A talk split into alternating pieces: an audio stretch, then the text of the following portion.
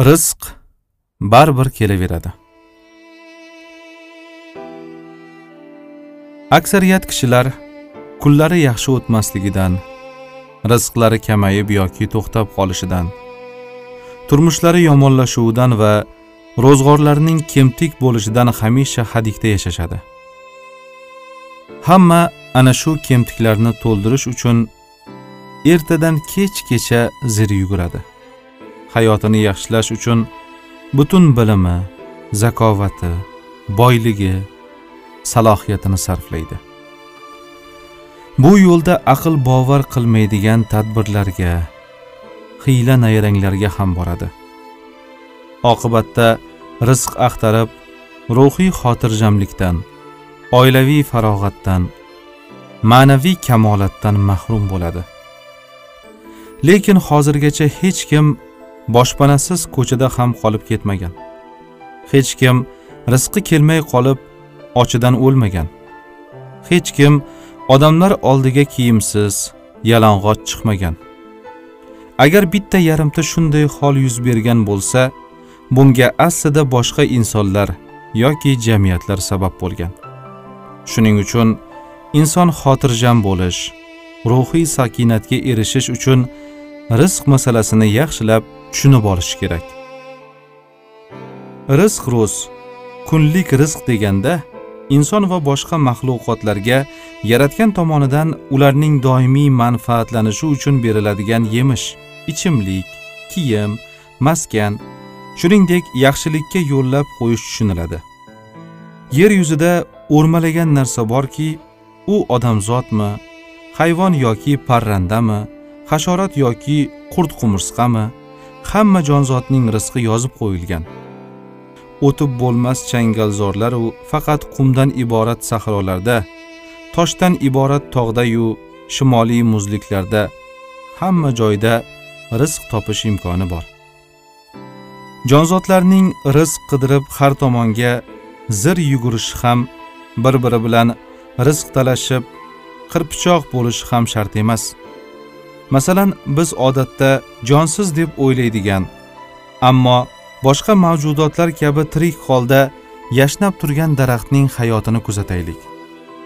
Uning yashashi uchun quyosh nuri va harorati suv havo o'g'it meva tugishi uchun gullarni changlatish zarur bo'ladi.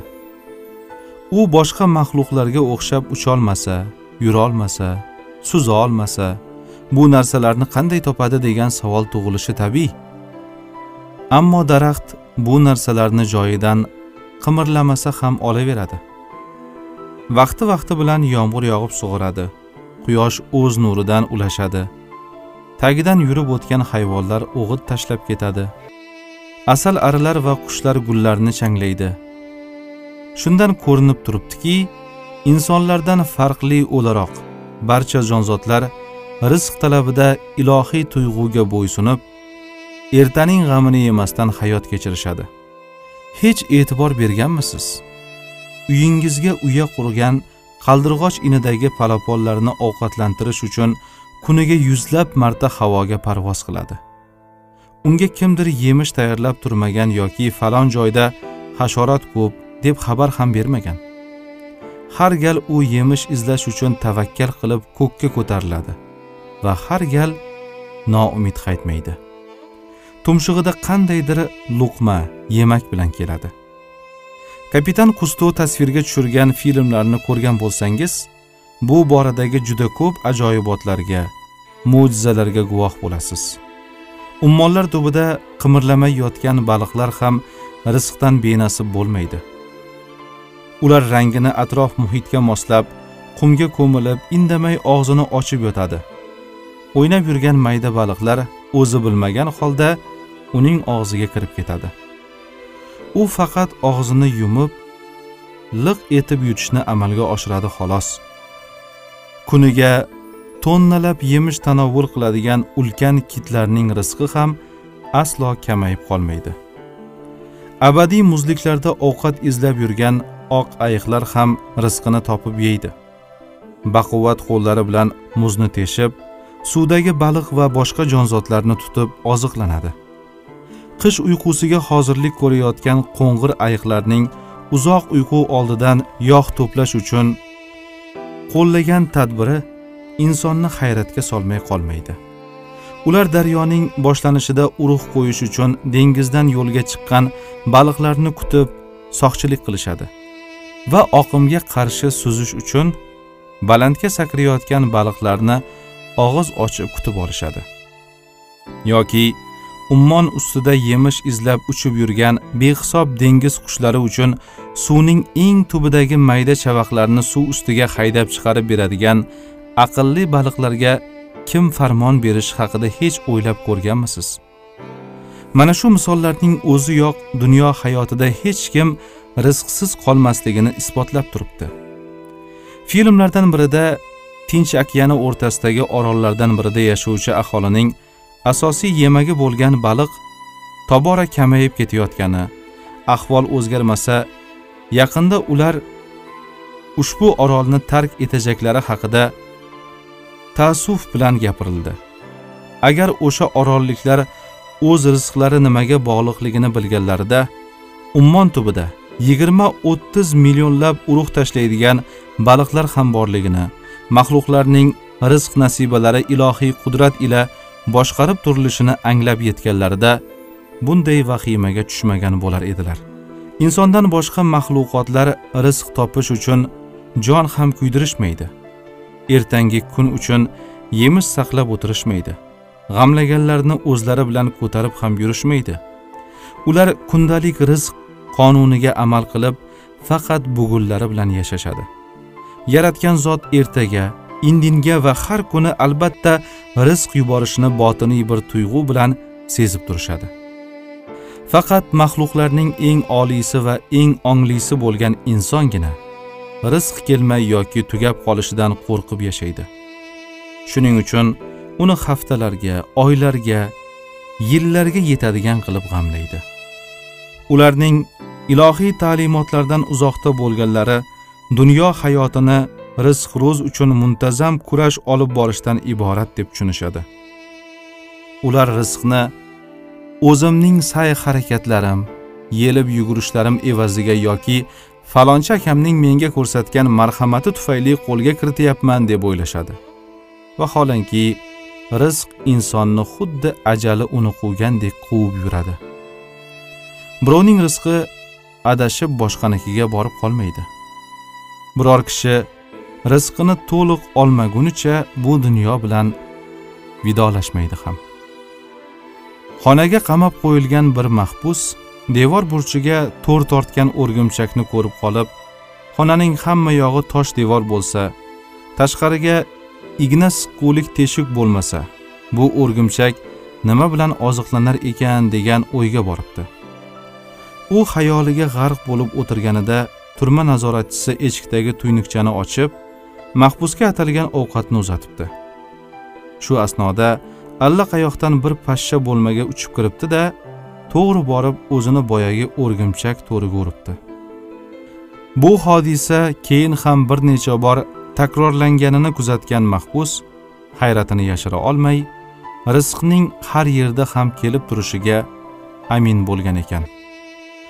Tog' cho'qqisining ustida yoki kimsasiz sahroda qolib ketgan odam ham rizqdan benasib qolmaydi. Bunga misol tariqasida juda ko'p rivoyatlarni keltirish mumkin. Ulardan birida shunday hikoya qilinadi. Bir kishi rizq masalasining isbotiga guvoh bo'lish uchun kimsasiz sahroga chiqib ketibdi. Qani hech kim bo'lmagan joyda rizqni kutib yotaychi?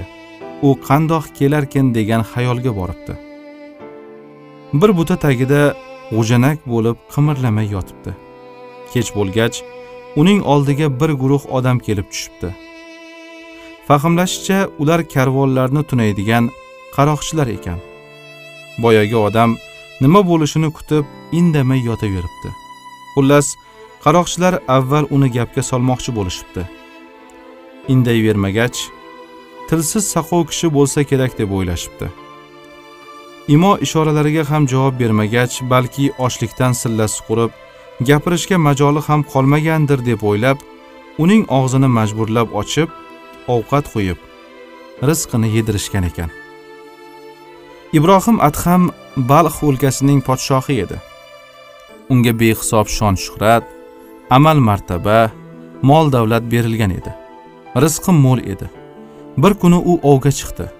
Ov qilayotib mahramlaridan uzoqlashib ketdi. Yuraverib qorni ochdi. Xaltasidan non suv olib dasturxon yozdi. Shu payt bir qarg'a uchib keldi da dasturxondagi burda nonni ko'tarib qochdi. Ibrohim adham qarg'aning bu surbetligiga chidolmay ortidan ot solib quva ketdi. Qarg'a baland tog' cho'qqisi sari uchdi podshoh ham otini o'sha tomonga burdi. Qarg'a uchib qo'nib qochaverdi otliq shoh quvaverdi. Nihoyat yuksak qoyalardan birida qarg'a yerga qo'ndi. Ot solib yetib borgan shoh qarasaki qarg'a yerda oyoq qo'li bog'liq holda yotgan bir odamning oldiga borib tushibdi. Boyagi burda nonni maydalab unga yediryapti. Bu holdan taajjubda qolgan ibrohim adham otdan tushib u odamni savolga tutdi. Ey inson sen kimsan? Ne holki bunda oyoq qo'ling bog'liq yotibsan. Men bir badavlat savdogar edim. Battol qaroqchilar yo'lda meni tunab butun boyligimni tortib olishdi.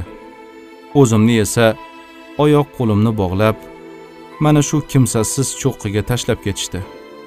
Ilojsiz imkonsiz yaratganning taqdiriga ko'nib qolaverdim. Uning qudratini qarangki tutqunlikning ikkinchi kuni ochlik va tashnalikdan bemajol yotsam oldimga bir qarg'a kelib qo'ndi. Og'zida burda non. Uni maydalab og'zimga sola boshladi nafsim orom oldi.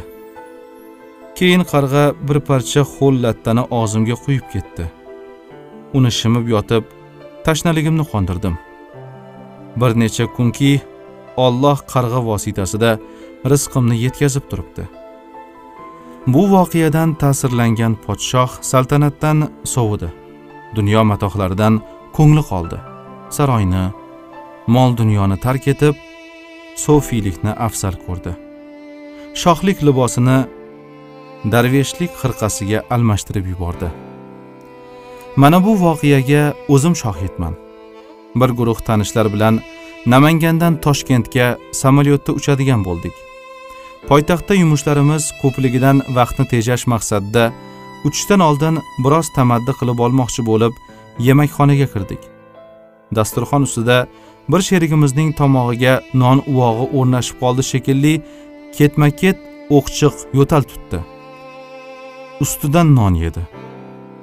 Choy ham ichirdik. Foydasi bo'lmadi. Tomog'i qichib bezovtalanib hatto ko'zlaridan yosh chiqib ketdi. Toshkentga yetib keldik. Samolyot zinasidan tushayotganimizda boyagi sherigimiz ketma ket aksa urib yubordi. Uch yuz chaqirim narida namanganda tiqilib qolgan uvoq uning og'zidan bir necha qadam nariga otilib ketdi. Shu payt allaqayerdan bir chumchuq pirillab uchib keldi da yerga tushgan uvoqni yeb ketdi. Sherigimiz taajjubini yashira olmay shu chumchuqning rizqi ekan yuta olmay naq namangandan tomog'imda ko'tarib kelibman a deb yubordi. Shunday ekan unda nega odamlar ato etib qo'yilgan rizqqa qanoat qilmay o'zlarini har tarafga urishadi? Faqat halol yo'l bilan kasb hunar orqasidan tirikchilik o'tkazishga buyurib qo'yilganiga qaramay harom yo'llardan rizq izlashadi. Nima uchun o'zgalarni aldashadi? Haqqiga xiyonat qilishadi. Yolg'on va zulm bilan mol mulkini tortib olishadi. Yomon mollarni aldab sotishadi. Tarozidan urib qolishadi. Sudxo'rlik qilishadi. Pora olib berishadi. Harom narsalar oldi sottisi bilan shug'ullanishadi. Yana berilgan rizqqa rozi bo'lmay ahli ayolini tashlab o'zga yurtlarga rizq axtarib ketishadi. U yerlarda iymonlariga e'tiqodlariga ibodatlariga milliy asoslariga zavol yetayotganiga ham parvo qilishmaydi. Bir odam janubiy quriyaga ishlashga ketgan o'zbek yigitlaridan bir nechasining yaqinda nasroniy diniga kirganini afsus bilan so'zlab berdi. Agar ularni issiq o'rinlaridan ochlik muhtojlik haydab chiqarganida holatlarini tushunsa bo'lardi. Yurtdoshlarimizning aksariyati orzu havas havoyi nafs boshqalarga o'xshab yaxshi yashash vasvasasiga uchib o'zga yurtlarda xor bo'lib yurishibdi. Shu o'rinda bir latifa esga tushib qoldi. Afrikadagi bir qora tanli odam portaxol apelsin daraxti tagida mazza qilib dam olib yotgan ekan. Bir amerikalik sayyoh unga yaqinlashib ho birodar bu yerda bekor cho'zilib yotmay anavi pishib yotgan mevalarni terib olsang bo'lmaydimi? deb so'rabdi. Xo'sh terdim ham deylik. Keyin nima qilaman? debdi qoratanli uni yashiklarga joylab amerikaliklarga yoki boshqa o'lkalarga sotarding debdi sayyoh. Xo'p sotdim ham deylik. So'ng nima qilaman? so'rabdi qoratanli ko'pgina pul toparding debdi sayyoh. Uni nima qilaman? so'rabdi qoratanli mazza qilib yasharding debdi sayyoh. Nima seningcha hozir mazza qilmayapmanmi? So'rabdi zanji. Haqiqatdan inson qancha yelib yugurmasin o'zini har qo'yga solmasin belgilangan kunini ko'radi atalgan rizqini yeydi. Undan bir daqiqa ham bir misqol ham ortiqcha yoki kam bo'lmaydi. Nafs insonning o'zligidir. Nafsiga qul bo'lgan odam faqat o'z rohatini osoyishini kayfu safosini va manfaatlarini o'ylaydigan bo'lib qoladi. Ana shu nafs qo'yida boshqalar bilan olishadi. O'ziga behisob dushmanlar orttiradi. O'zgalarga yomonlik zulm qilishdan qaytmaydi. Yaratganning o'lchov va chegaralarini buzib insoniyatga xiyonatlar qiladi va oxiri razolat yo'lini tutadi. Rizq faqat kundalik yeb ichishdangina iborat emas. Ba'zilar qo'llariga pul tushsa bola chaqasiga hatto nabiralarigacha atab uchastkalar quradi. Mashinalar xarid qilib qo'yadi. Vaholanki o'sha farzand yoki nabiraning rizqi ota yoki boboga qo'shib berilmagan. Shu o'rinda bir misol. Bobokalonimiz mulla satti oxund maktabdor domla bo'lgan ekanlar. Bir kuni darsga ketayotsalar mahalladagi badavlat kishilardan biri to'xtatib taqsir bo'y yetgan beshta o'g'lingiz bor. Ammo shunday katta oila katalakdek hovlida yashasanglarda birorta joy sotib olishga harakat qilmayapsiz. Mana men uchta o'g'limga mahallaning o'zidan alohida alohida hovli olib qo'ydim. Siz ham vaqt g'animatida tadorik ko'rib qo'ymasangiz erta indin shoshib qolasiz deb maslahat beribdi. Shunda u kishi farzandlarimning egasi bor. Umidim faqat o'zidan deb yo'llariga ketavergan ekanlar. Voqelik bobokalonimizning haqliklarini isbotladi. Mahalla keksalarining hikoya qilishlaricha o'sha badavlat kishi vafotidan so'ng o'zinikini va ikki o'g'liga atab xarid qilgan hovlisini sho'rolar hukumati tortib olib o'g'illarini olis yurtlarga quloq qilib yuborgan. Bir o'g'li esa yomon yo'lga kirib ketib hovlini qimorga yutqazib yuborgan. Mulla satti oxundning farzandlari esa uysiz qolishmaganiga barcha mahalladoshlar guvoh bo'lishgan. Yana bir mulohaza. Insonlarning rizq talabida yelib yugurishlari harakatga tushishlari intilishlari turli orzular qilishlari tabiiy bir holat. Chunki parvardigor rizqning qayerdan qachon kim yoki nima orqali va qancha kelishini bandalaridan sir saqlaydi. Bu esa insoniyat taraqqiyotiga jamiyat ravnaqiga xizmat qiladi. Agar rizq qayerdan qachon qancha kelishi ma'lum bo'lib qolsa insonlar tanballik bilan to'shaklaridan turmay rizq kelishini poylab yotgan bo'lishar edi.